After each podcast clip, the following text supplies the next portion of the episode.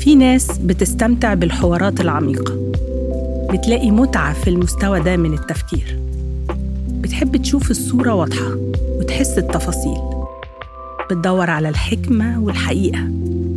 ناس بتاخد الحياة so deep في قصة في حديث في رأي في فن في كل شيء.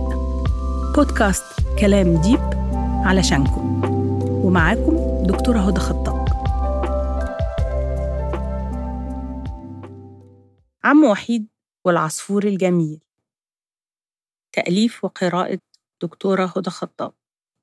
كان يا مكان في مكان في أسوان بعيد عن الناس وجنب نهر النيل العظيم الجميل.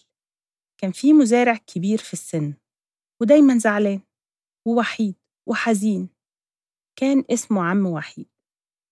في يوم من الأيام كان عم وحيد قاعد لوحده قدام باب بيته قبل المغرب بيشرب الشاي وبيتفرج على الشمس وهي بتغرب ونورها البرتقاني الجميل بيتراقص على وش مية النيل. كل شيء حوالين عم وحيد كان جميل بس هو جواه كان حزين. عم وحيد ركن راسه على جدار البيت وغمض عينيه علشان يفتكر زوجته لما كانت بتقعد جنبه في الوقت ده وتضحك معاه وتحكي معاه فجأة حاجة وقعت جنبه على الدكة اللي كان قاعد عليها فتح عينه مخضوض لقى عصفور في منتهى الجمال واقع جنبه وبيحاول يطير مش عارف وفي أثر دماء على جناحه. عم وحيد فهم إن العصفور مصاب وأكيد طائر جارح كان بيحاول يصطاده بس هو هرب منه بس اتجرح. بهدوء قرب عم وحيد إيده من العصفور الخايف المرعوب طبطب عليه وقال له ما تخافش أنا هاخد بالي منك. دخل عم وحيد بالعصفور البيت وطهر جرحه وغطاه وحط قدامه مية وأكل. العصفور كان بيترعش من الألم والخوف بس عم وحيد كان لطيف معاه قوي. وكل شوية يطمن عليه ويكلمه بهدوء لحد ما نام العصفور وكمان نام عم وحيد. صحي عم وحيد تاني يوم نشيط على غير العادة. علشان مهتم يطمن على العصفور. العصفور كان كويس تعبان بس شكله أحسن كتير. اهتم عم وحيد بغيار الجرح وأكل العصفور والمية وعمل له مكان مريح ينام عليه وقعد يتفرج عليه ويكلمه وقت طويل. ونظرات العصفور لعم وحيد كانت جميلة كأنه بيرد عليه. والأول مرة من وقت طويل يبتسم عم وحيد من كل نظرة أو حركة بيعملها العصفور. من اللحظة دي عم وحيد بقى بيحب يرجع البيت بعد الشغل في الحقل علشان عايز يطمن على العصفور ويقعد يتكلم معاه ويتفرج على كل تفاصيله. العصفور كان صوته جميل وابتدى يغني بصوت حلو قوي ونغمات جميلة كانت بتملى فراغ بيت عم وحيد. وكأن العصفور بيرد جميل عم وحيد بألحان جميلة يغنيها له.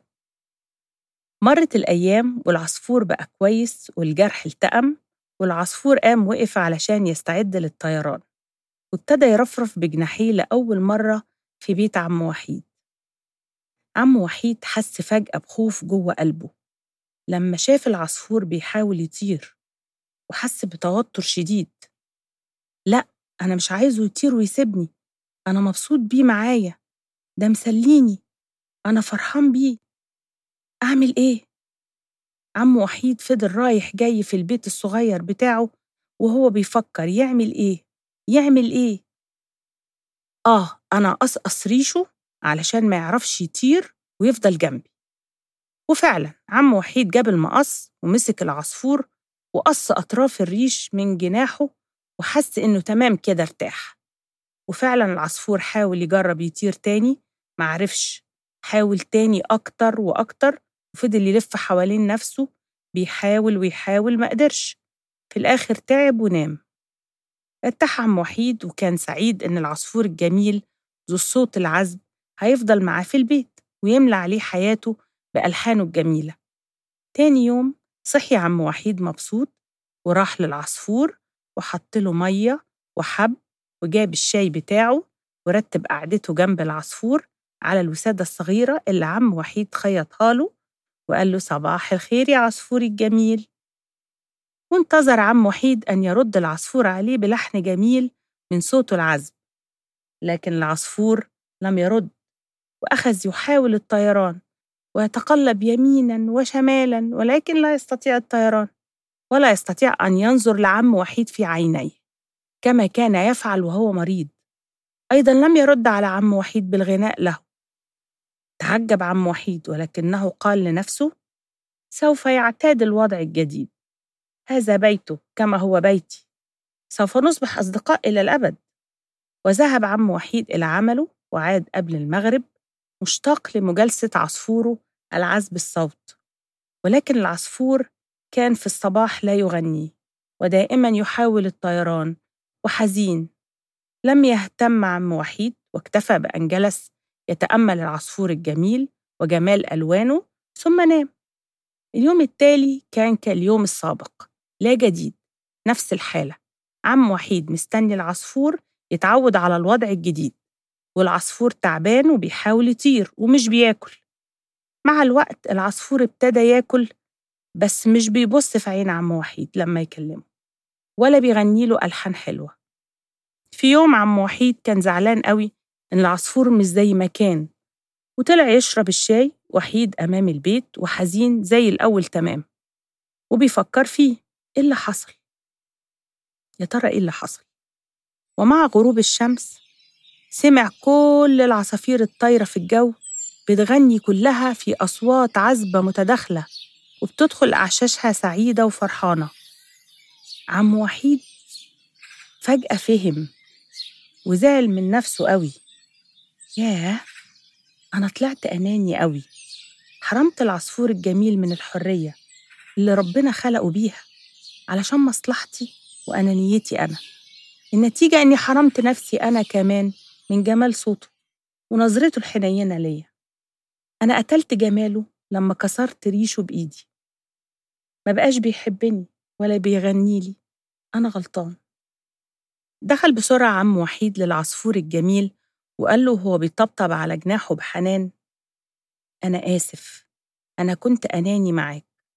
وبعد ما قدمت لك الخير أذيتك بالشر والأنانية. أنت مخلوق جميل. كل اللي جواك حلو. أنا إنسان. جوايا خير وشر. كان لازم أختار أقدم لك الخير. عشان آخد الجمال اللي جواك.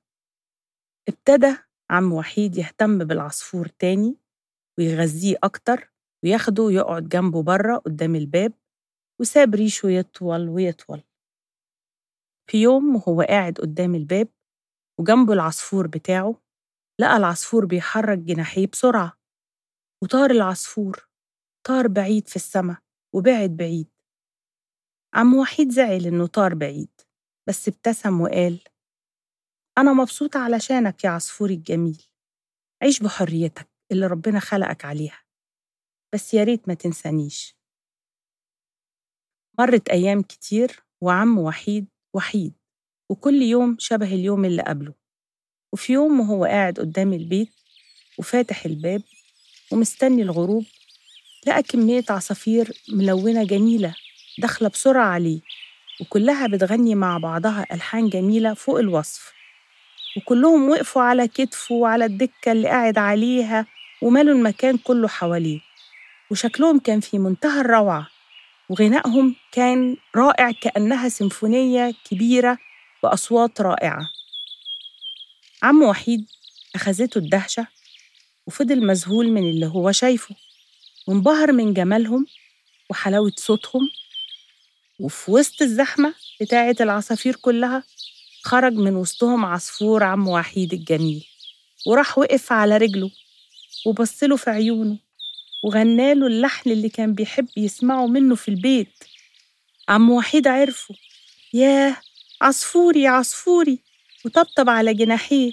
العصفور فرد جناحيه علشان يوريهم لعم وحيد وطار وقف على كتفه ومسح وشه في خد عم وحيد وكأنه بيقول له شكرا ووحشتني عم وحيد كان طاير من الفرحة والعصافير فضلت تغني وتطير حواليه وقت طويل وجميل وبعدين طاروا بعيد مع عصفوره الجميل عم وحيد شاور لهم بإيديه مع السلامة.